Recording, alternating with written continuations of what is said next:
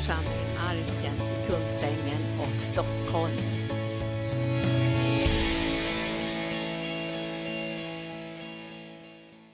Ja, då vänder vi oss till dig Herre och vi välkomnar dig speciellt att göra ordet levande för oss.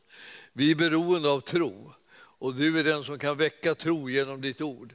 Och vi ber Herre att när ordet går ut så ska det verkligen bli mottaget i hjärtan och det ska bli en, en tro som blir stark och övervinnande så att vi kan bryta igenom på alla områden så att inga hinder kommer stå i vägen för oss utan det, det, de måste bara vika undan. Och jag tackar dig Herre för att du kommer att bana väg för att din vilja ska ske i våra liv. Vi välkomnar ingenting annat än din vilja. Vi välkomnar dina planer och dina utvägar, dina lösningar, din kraft, dina resurser. Allt detta välkomnar vi. Allt annat står vi emot i namnet Jesus. Och vi är de som både sår och skördar. Och vi sår och skördar sånt som är välbehagligt för dig och som ger dig ära. I Jesu namn. Och församlingen sa Halleluja. Ja, så vitt jag kan förstå så ska vi idag gå till eh, Första Johannesbrevets femte kapitel. Och det står där i slutet, strax före Uppenbarelseboken, så hittar ni det, de här några stycken Johannesbrev och det första av dem ska vi ta och det femte kapitlet där ska vi ta och läsa ur. Eh, det här är ett alldeles enastående underbart eh, kapitel som eh, allting här på säga i Bibeln. Men här har vi någonting som är väldigt, väldigt starkt och härligt. Och det som framför allt du ska veta när vi läser det här är att eh, det, handlar om Jesus. Och det finns en liten rubrik faktiskt där, eh, ser jag, att eh, det, där det står tron på Guds son. Tron på Guds son, det är den som avgör hela saken faktiskt. Och vi är, vi är kallade att vara sådana som tror på Guds son. Vi som inte tar liksom lätt på det här med vem vi, vem vi tror på. Vi vet på vem vi tror. Och vi har förankrat våra liv i liksom, genom att lita på Guds son. Han som har vunnit segern på Golgata. Och nu när vi har nere det ena efter den andra som åker ner till Israel och eh, ska hjälpa till där på olika sätt och, och göra Guds son känd och styrka människor i sin förväntan på att det som Jesus, Guds son, har vunnit på Golgata kors, det ska förmedlas till folket, hans eget folk som, är, som lider på så många sätt och har, så, har råkat ut för så mycket under, under århundraden av lidande. Eh, och nu ska de få också del av den härlighet som Sonen har vunnit för deras räkning. Vi tror att det här är liksom ett uppdrag som är, är värdigt Guds folk. Att på det här viset vända sig ner och eh, göra det, detta goda gärning. Det är en, det är en sådd i, i, i allra högsta grad. Alltså vi sår för att vi ska få skörda, men vi sår också för att eh, de ska få skörden utav allt det som de har sått. Och eh, eh, det här att vara, att vara ett utvalt folk, att vara Guds folk, det är ju ingen lätt sak. Det har inte varit lätt för judarna och det är inte lätt för de kristna heller. Utan det har varit liksom en, en, en kamp och en strid liksom hela tiden. Och det har varit liksom en, en, en, ett behov av att man har en målmedvetenhet i sitt liv. Och den sitter inte bara liksom i någon slags grupp eller, så där, eller i ett helt folk, utan målmedvetenheten måste sitta i varenda enskild person att den bestämmer sig för i sitt hjärta och i sitt liv att följa Herren, att göra hans vilja, att förhärliga hans namn. Att inte vika undan, att inte böja sig ner, att inte ge upp utan att fullborda sitt lopp. Eller hur? Jag menar, det, här finns, det, finns en, det finns ett behov av ett beslut i varenda kristens liv. Att det, gör, det beslutet måste förnyas gång på gång på gång för att man inte ska bli besegrad utan ska bli en som vinner seger. Och vi är kallade för att vara de som vinner seger. Alltså det är härligt att tänka på de här tankarna. Alltså, man behöver tänka vissa tankar. Jag gillade ju särskilt, jag sa till Karin den här sången, han hade en liten kampsång där, där man eh, proklamerade vissa saker. Och det, och det är oerhört hälsosamt att göra det. Man får inte bara låta liksom, eh, livet komma liksom strömmande där och, och bara liksom skölja över en och så man nästan bara skväll, åker bort så det blir som någon slags eh, eh, liksom, eh, vad heter det? Eh, avalanche, alltså som en sån här snömassa som bara plötsligt släpper ifrån kanten på, på berget och så åker den med, ner och tar med sig allt i sin väg och det är fullkomligt förstörande. Istället så ställer man sig upp och så står man emot de här så övervinner man dem i kraft av det namn som vi har fått som är över alla andra namn. Vi, vi ska kunna vinna seger, vi ska kunna ta spjärn och stå emot istället för att bara bli ett offer för det som händer. Det är inte, vi är inte kallade liksom att, att liksom vara de som bara ger upp utan vi är kallade att vara de som strider och vinner seger. Och jag, ska, jag säger det till dig därför att eh, det behöver du höra. För det kan ju hända att människor liksom ömkar sig över dig och, och är barmhärtiga och tycker synd om dig därför att du har det jobbigt. Och, och det, det, det, är kärleksfullt och det är fint, men det är inte liksom alltid hjälpen. Utan vad man behöver är liksom någon som säger nu står emot. Nu övervinner du det här, nu litar du på Herrens ord. Här har du löftena, här har du löften om seger. Här har du möjligheten att stå tillsammans med Herren och bli en större makt, en större kraft än den som är destruktiv in i ditt liv. Och ta vara på den makten istället och övervinn. För vi är liksom inte något folk som ska köras över. Vi är det folket som ska bana väg för att Guds vilja och Guds rike utbredes. Och det är det, det, är det folket som vi tillhör. Så att oavsett liksom det här, vad du liksom har för situation så då tänker jag inte liksom säga till dig liksom att, det här, Mm, att oh, det, du, det är, du har det så svårt så att, att det är nästan så. Jag, jag, förstår om du ger upp och jag förstår om du lägger det ner. Jag förstår om det. Ja, jag ska säga det att det, jag, jag, mänskligt sett så är det naturligtvis på det viset. Men nu ska inte vi vara mänskliga utan nu ska vi vara gudomliga. Och då tror vi på övervinnande kraft istället. Och vi tror på att det, det som Herren kan och förmår, det ska bryta igenom. Och det ska, genom det så ställer vi oss upp och så kan vi trampa ormar och skorpioner under våra fötter. Det är sånt där som man börjar känna, man börjar känna smak för det. Alltså när man ser liksom hur mycket djävulen kan breda ut sig med alla sina onda gärningar. Men vi ska stå honom emot och han ska bli tvungen att fly bort ifrån oss. Och jag har sagt det en hel del på sista tiden att det, här, det, får, det, får, vara, det får vara nog. Vi tänker inte vi tänker inte lägga oss ner och vi tänker inte ge upp, utan vi tänker vinna seger. Så att jag bara, lägg det på minnet bara.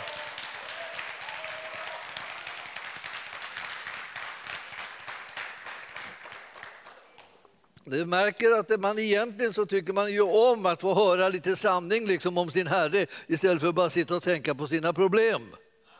Alltså det är så, och, och även om vi ska vara barmhärtiga, och det är jag absolut för, vi ska vara barmhärtiga, så ska vi inte vara liksom några liksom mesar som sitter och pratar om undergång hela tiden. Vi, vi tror inte på undergång, vi tror på seger. Och det är därför som vi predikar Jesus Kristus och det är därför som vi tittar på Golgata kors och ser vad han har vunnit för en fullkomlig seger där. Det här gör den stora skillnaden. Det blir, då blir man vid gott mod och tänker så här, Ah, jag tror inte jag bryr mig om att liksom lägga mig ner och dra filten över mig, utan nu, nu, nu reser jag på mig och så står jag emot och även om det stormar mot mig så, så står jag emot. För jag vet att han som är med mig är större än den som är i världen och jag ska vinna seger över det här och jag ska vara huvud och inte svans. Och det här vill jag bara säga till er, utmana er till att ta livet på det sättet. För Herren är en mäktig Gud och han kan segra i vilken omständighet som helst.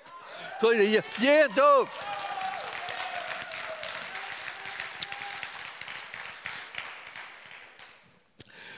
Ja, det var ju femte kapitlet som vi skulle till. Femte kapitlet i, i första Johannesbrevet. Underbart, underbart, underbart, underbart brev alltså. Underbart brev som handlar om Guds kärlek. Om att han aldrig lämnar oss, aldrig överger oss, att han aldrig lämnar oss i sticket. Det, det är honom som vi tjänar.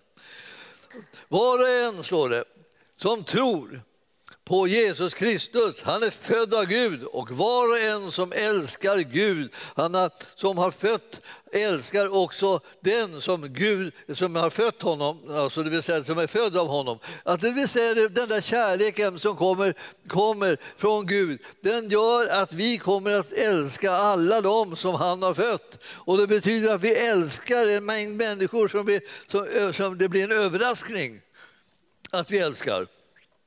Alltså de, vi älskar alla dem som han har fött. Och han har ju fött ganska många. Och, och, och, och det, det, är inte liksom så att vi spontant har liksom, här, liksom fantastiska liksom varma känslor inför alla som, som, som är födda av Gud. Men vi är kallade att visa kärlek och barmhärtighet till dem alla. Och jag, kan säga det, jag tyckte att det stämde så bra med det här så när, när, som Torbjörn talade om, med det här med sådd och skörd. För det här är ju någonting som man kan så. Alltså godhet, kärlek och barmhärtighet och så kan man så även till dem som man inte känner någon större kärlek till. Så jag menar, så man, när man ser dem så, så, så kan det hända att man tycker så här, det vore skönt om jag inte hade sett dem. Eh, men nu såg jag dem, så nu måste vi liksom köra en liten liksom, eh, hälsningsprocedur. Och, och så här. Men i själva verket har vi en massa ouppgjorda liksom, saker mellan oss och det är, är, är, jobbigt att mötas. Men vi tänker så här, vad ska jag göra med det då? Ska jag bara liksom tänka så här, ja, jag, jag gör mig till? Eller ska jag tänka så här, jag sticker så jag slipper möta dem? Eller, eller ska jag förändra situationen kanske? Och om jag väljer att förändra situationen, vilken är den gudomliga vägen, så behöver jag liksom hitta, hitta någonting som jag ska göra där, eh, som jag kan så så att jag får skörda en, en, en annat, en annat läge än det som eh, jag nu liksom upplever. Och jag behöver förändra situationen. Det här är ju jättevanligt bland oss att vi har det så. Det finns liksom människor som vi Ja, bara man säger det här så tänker man spontant på den och den och den. Och så där. Alltså det finns liksom människor som är så här ömma punkter i livet.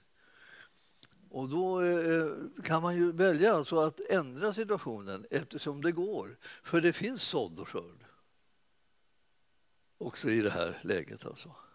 Och där kan man så. Och när man då, när man då sår för eh, jag tänkte så här att eh, eh, när Torbjörn talade så tänkte jag så här, ja vi, vi, vi, vi skulle behöva liksom samla på oss massor med exempel på vad det är vi kan göra och vilka områden som vi kan så inom för att konkretisera det här hela tiden. Nu är vi inne på pengar, vi kan kanske vara inne på hälsa.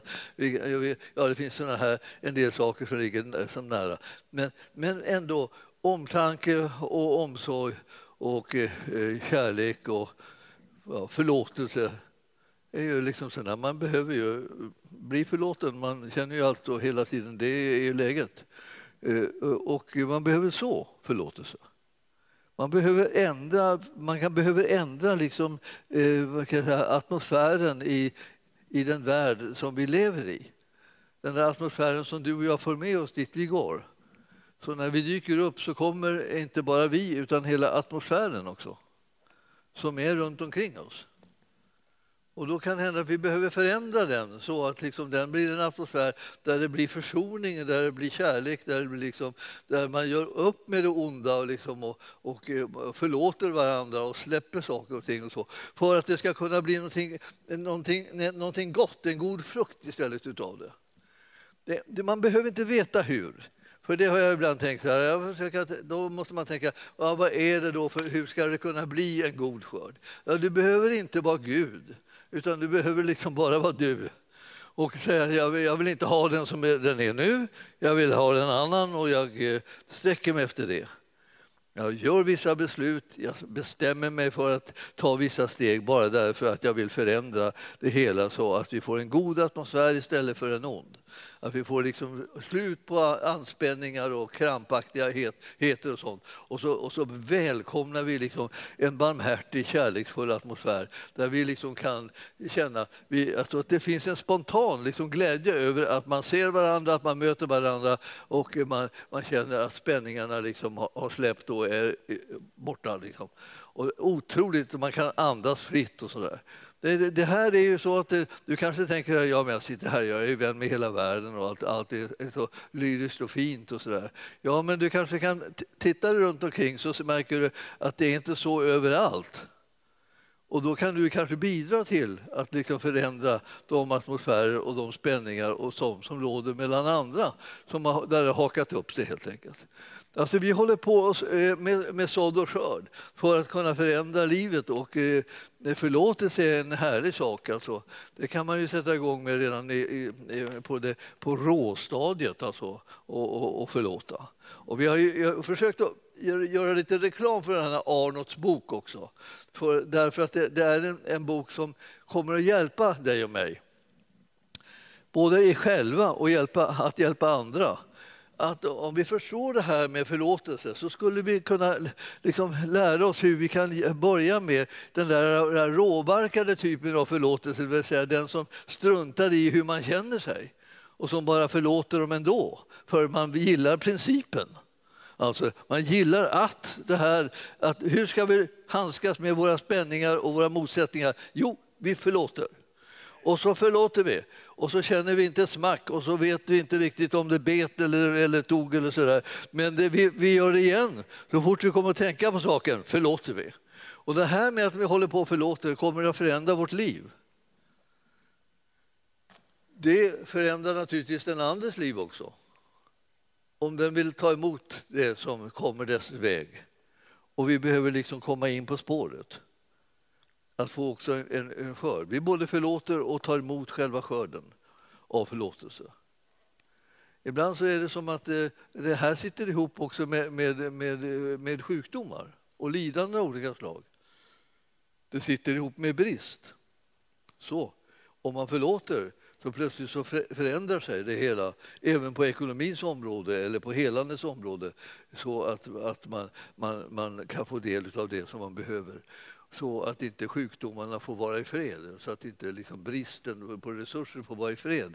Utan vi gör någonting åt det som gör att det här kan inte fortsätta som det är. Därför att nu har vi börjat sätta förlåtelsen i rörelse och förlåtelsen gör att det öppnas mängder med portar som är en skörd av det här att man har förlåtit.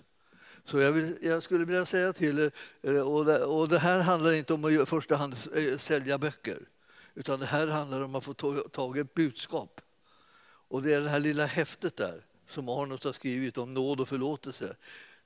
Skaffa det, läs det, ge bort det.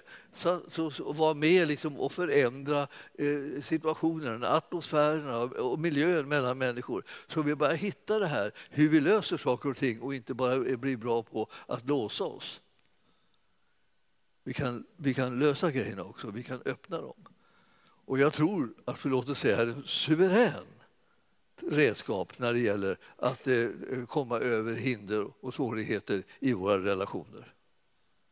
Den är en ytterst liten bok, finns där inne i, i bokkroppen. Har du inte läst den redan, läs den. Har du inte gett den till någon, gör det. För att det här, vid, vid jul kan man ge det. Man kan bombardera dem. Jag ska säga, vi ska ge meningsfulla presenter i jul, det har jag sagt många år. Och jag vill säga det igen. Det, vi, vi, behöver inte ge bort ljusstakar och små glasfåglar och sådana dumheter. Utan, utan vi hoppar över det. Du behöver inte gå in i presentshop och, och leta efter någonting som ingen behöver.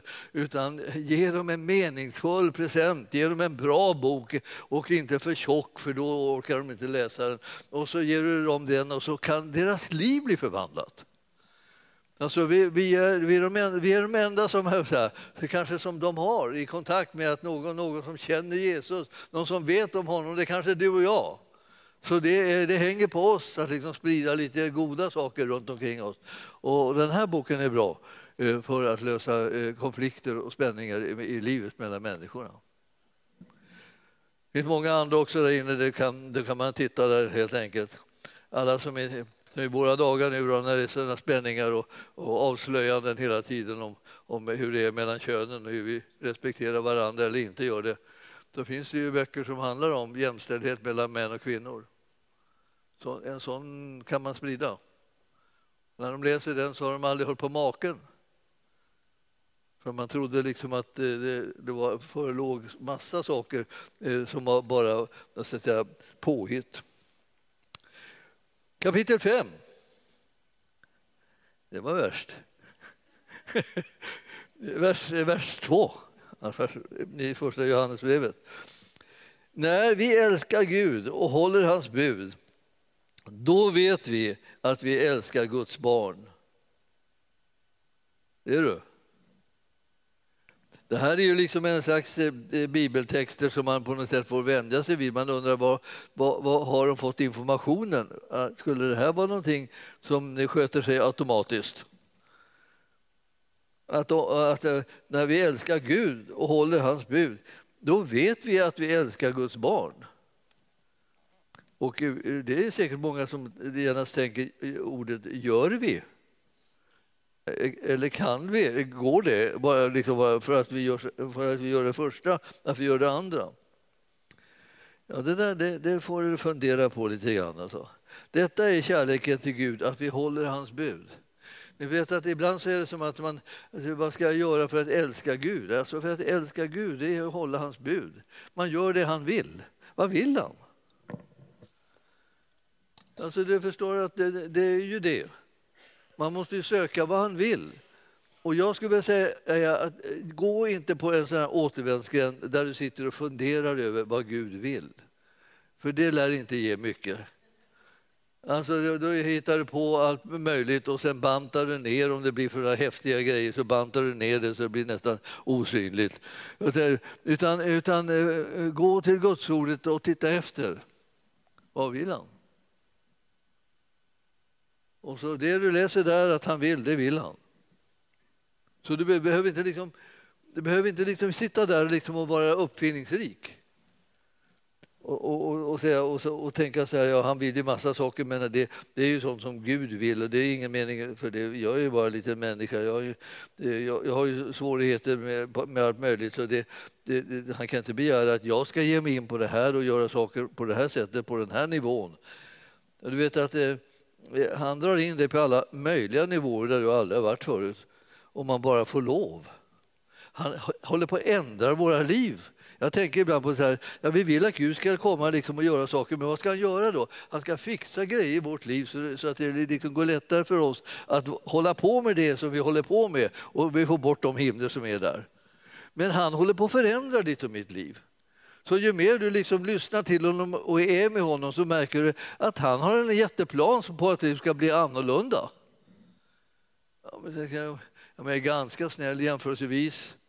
Kanske du tänker, jag, jag jämför mig med folk runt omkring mig så jag tänker ja, jag är, ju, jag är rätt from och så. Men sen så läser jag då, så, så märker jag liksom att det kanske inte är så jättefrom. Eh, det kan hända att det skulle behövas lite mer av Gud. Det här, och så här, att vi, det här kärleken till Gud är att vi håller hans bud. Och sen står det här, så här precis det som jag älskar att höra liksom från, från Herren. Och hans bud är inte tunga. Det är precis som man skulle kunna höra de här hunters, de där i helandetjänsten, som när folk kom fram i bönekön och skulle få förbön och så, så frågade de vad är det för fel? Ja, då talade de om att de hade cancer och de hade allt möjligt som var väldigt svårt och väldigt liksom, allvarlig situation. Då skulle de säga till dem, och det har jag sagt många gånger, så här, då skulle de säga det är lätt. Och det var nästan så att liksom, folk nästan trillade omkull när de fick höra vilken urkonstig kommentar de fick till det, att de talade om hur allvarlig sjukdom de hade. Så, skulle då, så sa förebedjarna att det var lätt. Det här är precis samma sak om du tror att det här inte kan komma från Gud, en sån här kommentar. Då står det eh, att när vi, om vi ska, kärleken till Gud är att vi håller hans bud och hans bud är inte tunga. Va? De är ju jättetuffa, hans bud, om du bara tittar på några. Jag vet inte om du tillhör den generationen som har lärt sig tio Guds bud. Ja. Men jag ska inte ha något sån här förhör. Det där, den tiden är över då, vi, då man körde med såna för, förhör, liksom katekesförhör och sånt. Det, men men då, då, kunde man tio Guds bud. Tio Guds bud det talar om vad, liksom, vad Gud säger och beslutar och, och säger så här ska ni leva, det här ska ni hålla. Ja. Och, och hans bud är inte tunga, står det. Ty allt som är fött av Gud besegrar världen och detta är den seger som, som har besegrat världen, vår tro. Nu, nej. kom vi in på någonting som påminner om vilka vi är. För när vi håller på med de här sakerna om, om vad vi ska göra och vad Gud vill och hur, vilka, vilka förväntningar han har alltihop det här och så glömmer vi bort vilka vi är så kommer de här sakerna bli så tunga och konstiga och obändiga. Vi tänker så här, hur ska vi kunna klara av det här? Liksom, det är våldsamma förväntningar på hur vi ska leva. Men det var det, nu kommer han tala om för dig vem du är och vad du förmår. Och det, det, får man inte glömma när man håller på med det här. När man läser de här, de här raderna så kan man inte glömma eh, hur, hur Gud ser på oss. Alltså, till allt som är fött av Gud besegrar världen. Det vill säga, alla vi som är födda av Gud vi besegrar världen. Så det som är i världen, det vill säga det som tillhör, inte Guds rike, utan världens rike, det är mörkrets rike, det är den onda världen, alltså allt det där som finns där, det besegrar de som är födda av Gud. Vilka var det? Det var vi.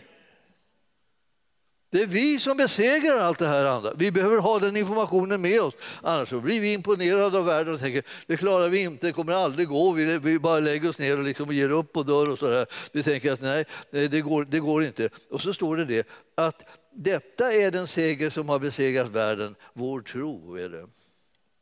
Och den trodde vi kanske var liten eller obetydlig. Alltså. Och så är det själva verket den som är den stora kraften som kommer från våra liv då vi kan bryta igenom och det som Herren vill ha gjort här, det kommer att bli gjort i den här världen därför att vi besegrar världen genom vår tro. Ja, det var ju nästan ingen som hade någon tro ens på det uttalandet. Jag tänker bara, va? Besegrar vi världen genom vår tro? Jo, jag förstår att det är vår tro som är den, den, stora styrkan eller kraften i den här tillvaron. Det är det, det är det värsta som världen känner till. Alltså att några reser sig upp och tror på Gud och därför besegrar omständigheterna och situationerna och kan eh, stå emot mörkrets välde och bryta ner det som är planerat ifrån världen och mörkret så att Herrens vilja börjar ske istället. Eh, det, det avskyr världen. Men det är det som vår tro vinner åt oss, att vi får det som Herren har och har lagat åt oss. alltså. Vem, står det här, kan besegra världen utom den som tror att Jesus är Guds son? Och nu, nu ska jag säga till er, nu har jag pratat lite sådana här saker som nästan allting kan bedömas som övertro. Men jag ska säga det att just det här, det, det finns ingen annan någonstans i denna värld som kan besegra världen utom de som har vår tro. Det vill säga vi är det som kan besegra världen. Ja, om vi, om vi liksom tar till oss det här nu då, det här orimliga uttalandet om att det var vi som skulle kunna besegra världen. Om vi tar det till oss, om vi liksom omsluter det, håller det liksom nära oss och säger vi är ju de som kan besegra världen. För vi är de som tror att Jesus, där står det, är Guds son. Skulle det förändra hela saken?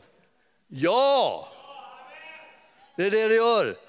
Det är det som är så ofattbart, alltså att vi, vi, har, vi har ett sånt läge då vi, hela situationen, hela kampsituationen, hela brottningsmarschen med, marschen med, med, med mörkrets välde och alla dess olika gärningar och alla dess olika negativa, destruktiva konsekvenser som finns för våra liv här och våra syskons liv. Vi, vi, vi ser allt det här och vilka är det som skulle kunna besegra det? Det kan vi göra därför att vi har tro på att Jesus är Guds son. En gång, en gång för länge sedan när jag var ung och omedveten på något vis. Eh, ja, jag vet inte hur det är nu heller, så jag ska inte yttra mig över Men jag, jag säger, då var jag mer omedveten än, då, än tidigare, än senare eller så. Ja, hur som helst. Då var det en samling av kristna, liksom en ekumenisk samling i Stadshuset. Ni vet den där som ser ut som en kyrka inne i Stockholm med tre kronor. Där var det. Hela, hela hallen alltså var liksom full med folk. Och eh, så, hade vi, då, då hade de dansat eh, alla möjliga judiska danser och, och eh, sprungit med flaggor och, och, och, allt möjligt sånt där. Det var liksom en sån här riktigt eh, feststämning. Då.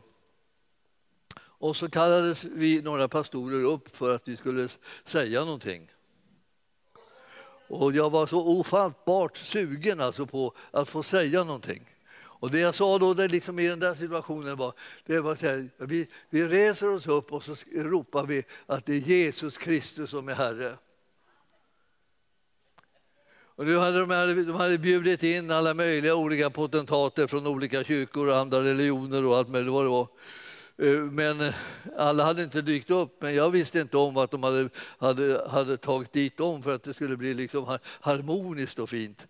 Men jag reser upp nu alla så här, proklamerar vi att det är Jesus som är Herre. Och jag skrek för gratta livet ut att, att Jesus är Herre. Och jag fick med mig till slut hela församlingen liksom var där. Och vi ropade att Jesus var Herre, bara rungade i salen där inne. inne på, det var en jättestad där de hade Nobelfesten, ni vet. Och, där, och vi, vi skrek och vi ropade och Jesus är Herre och Jesus är Herre och Jesus är Herre.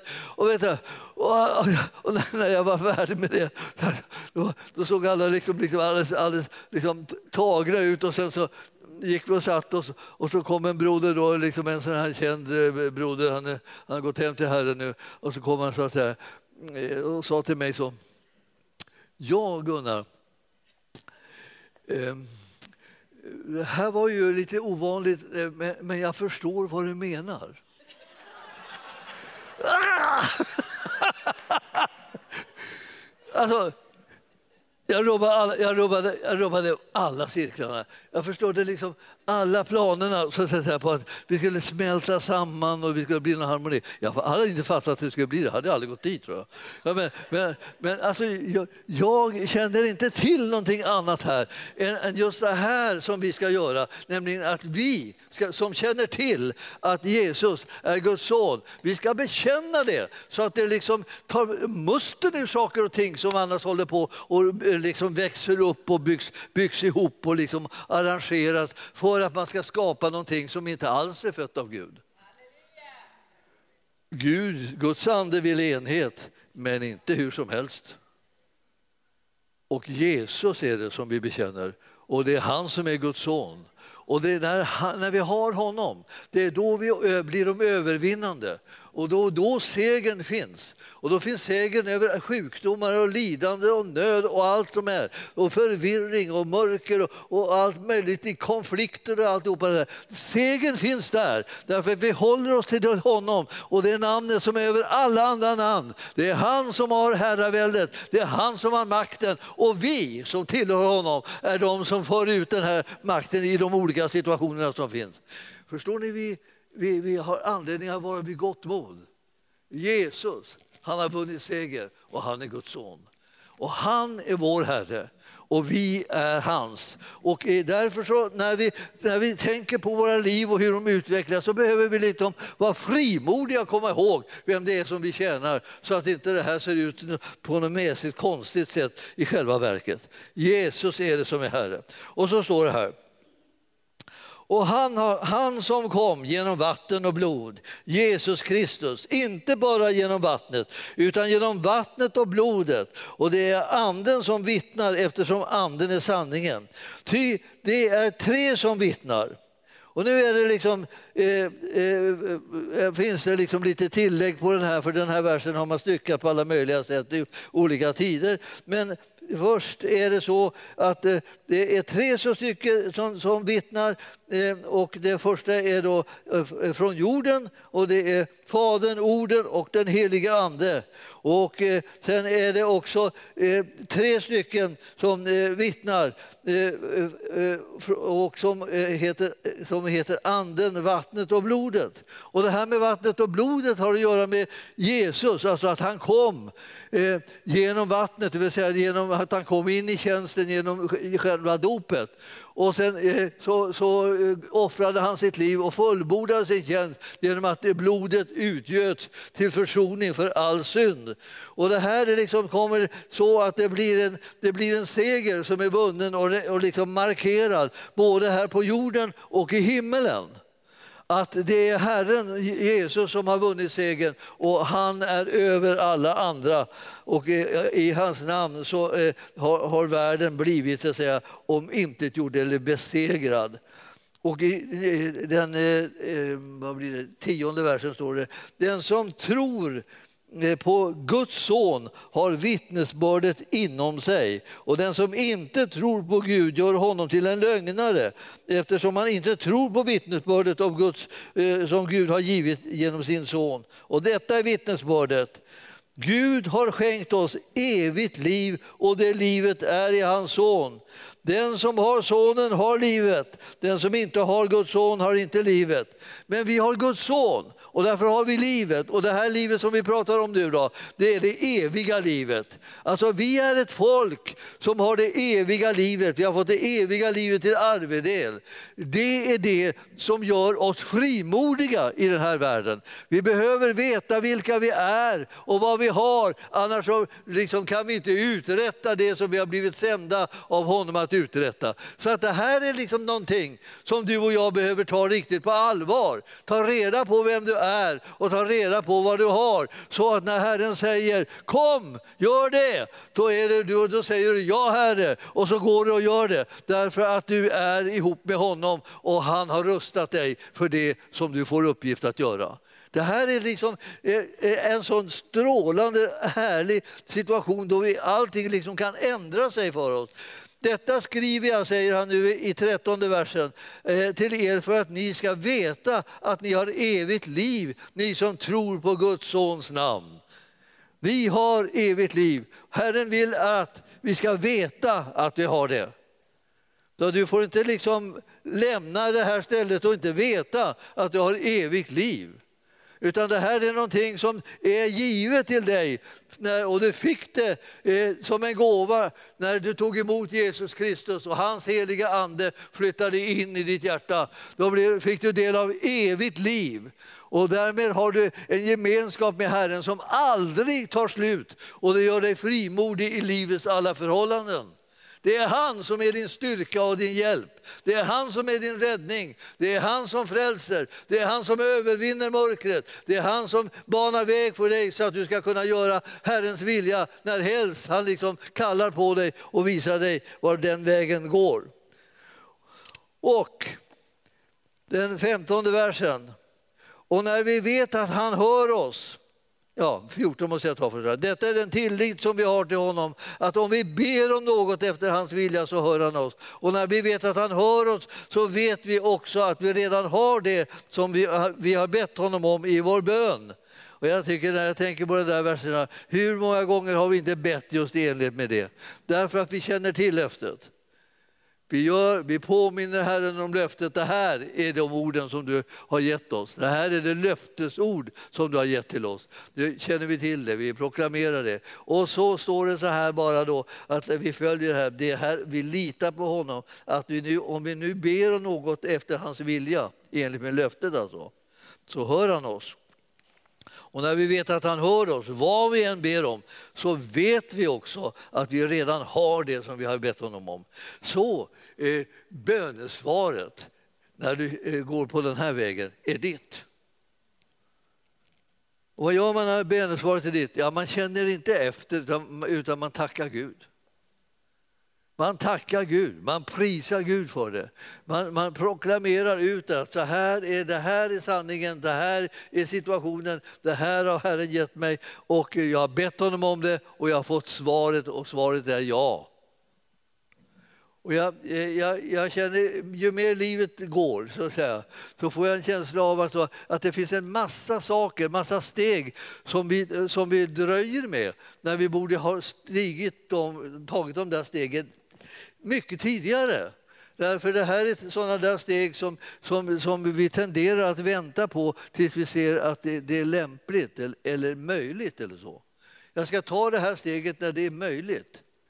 Men, men, men du ska ta det här steget när, du, när tron infinner sig på att du, du har fått ja på din bön. Det är då du tar steget. Så om jag tänker, vi går tillbaka till de här händelserna från, med, med Jesus och lärjungarna så ser vi ju det att eh, när Petrus fick höra från Jesus eh, när, när Jesus kom gående på vattnet och, han satt, och Petrus satt i båten. Han sa kom till honom. Då fick han tro i hjärtat. När skulle han gå ur båten? Då skulle han gå ur båten. När, när han fick tro på att Jesus ville att han skulle komma. Då gick han ur båten. Och det här är liksom någonting som jag, som jag tänker på. Hur, hur många gånger har man liksom inte liksom på något sätt velat analysera situationen och prata om den eller, eller ventilera den lite hit och dit istället för att gå på den? När Herren har liksom gett en utväg att kunna gå. Alltså Petrus steg där, det var ju något alldeles enastående, liksom fantastiskt djärvt. Alltså han, han, han klev ut på vattnet och eh, det skulle han liksom...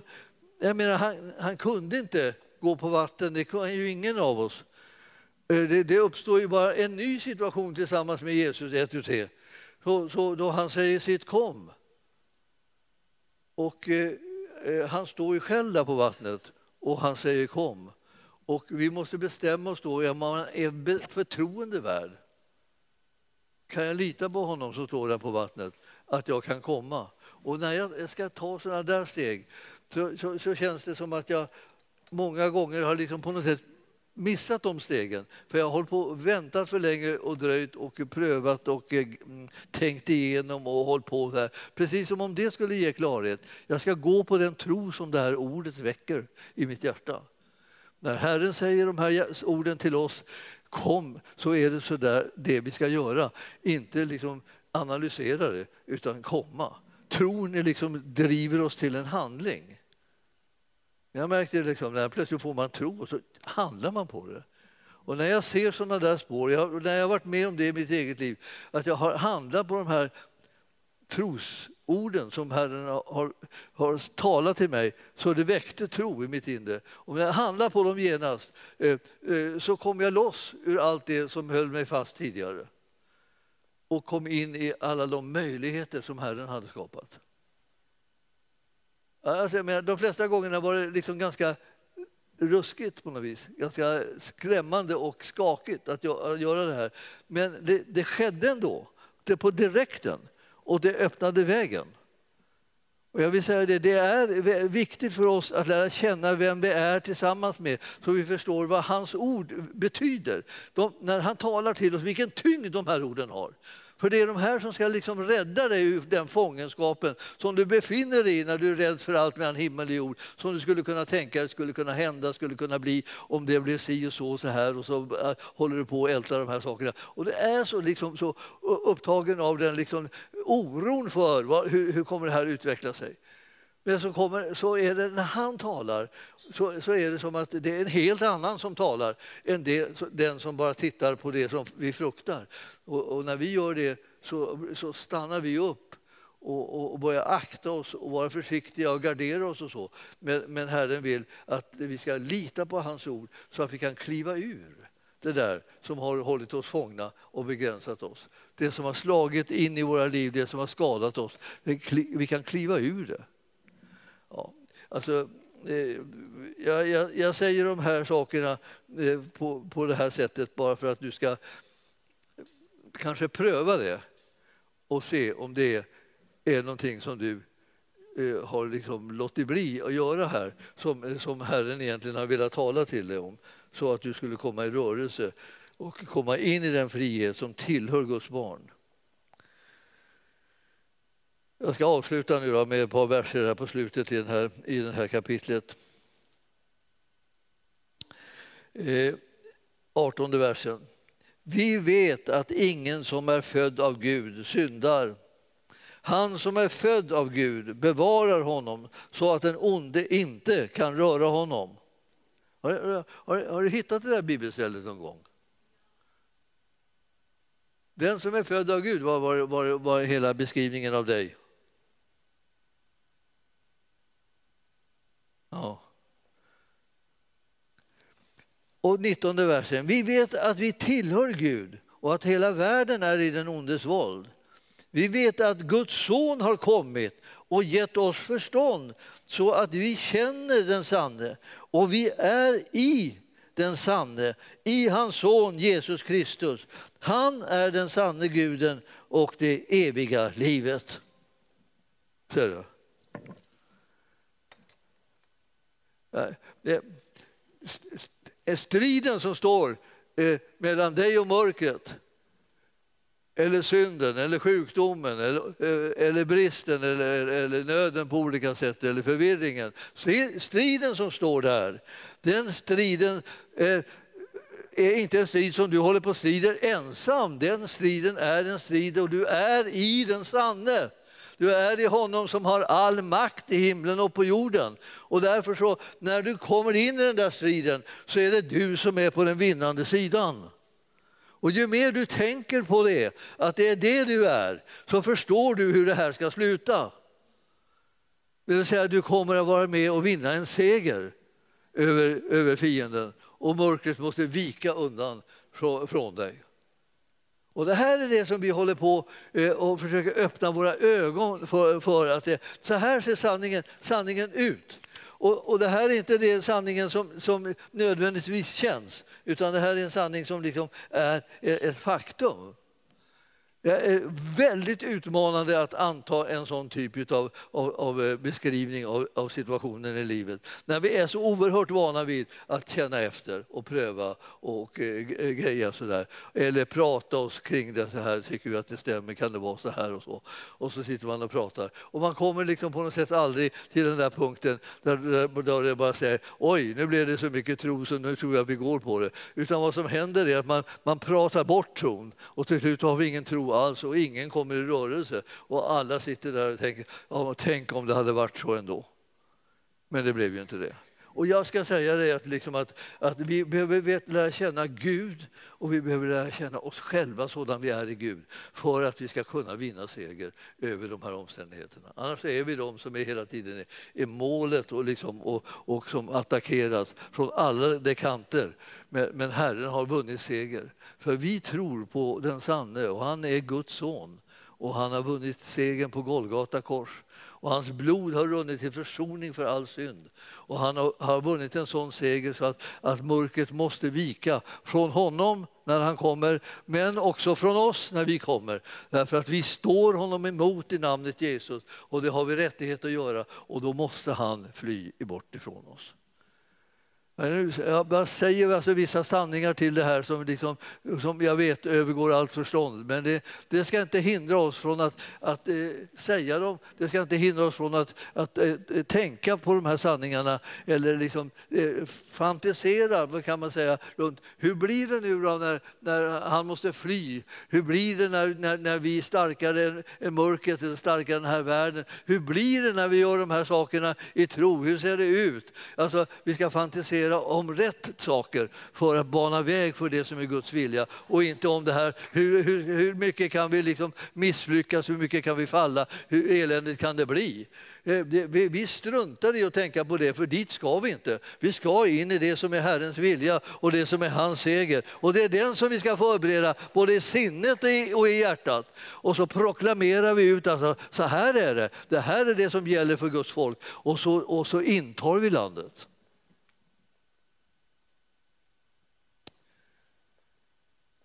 Halleluja.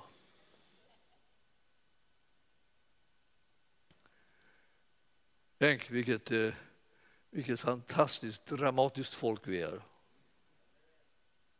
Ja. När vi reser oss upp och när vi står, står emot och när vi liksom eh, proklamerar Jesu herravälde precis mitt i mörkrets soppa så blir det ju liksom en chockverkan. Jag tycker ibland tänker man att det är som att, släppa en bomb någonstans. Liksom. Eh, och, eh, och det bara sprider sig, liksom, själva smällen och alla, alla vibrationer bara sprider sig ut runt omkring oss. Och det är liksom den där bomben, det är du och jag som sätter tro till honom som är eh, Guds son och som har vunnit segern.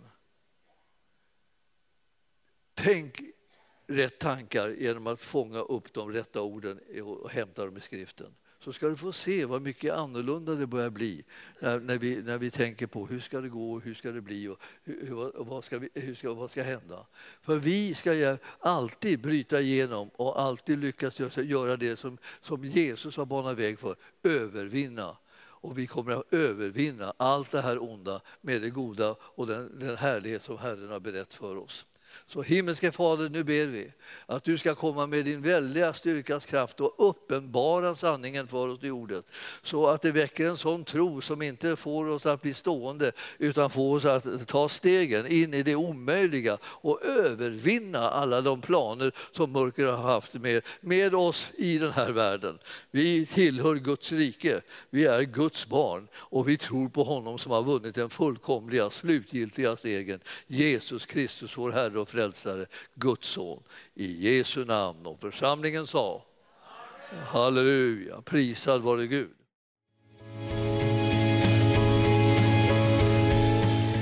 Tack för att du har lyssnat. Vill du få del av mer information om församlingen Arken, vår helande tjänst, bibelskola och övriga arbete, gå in på www.arken.org.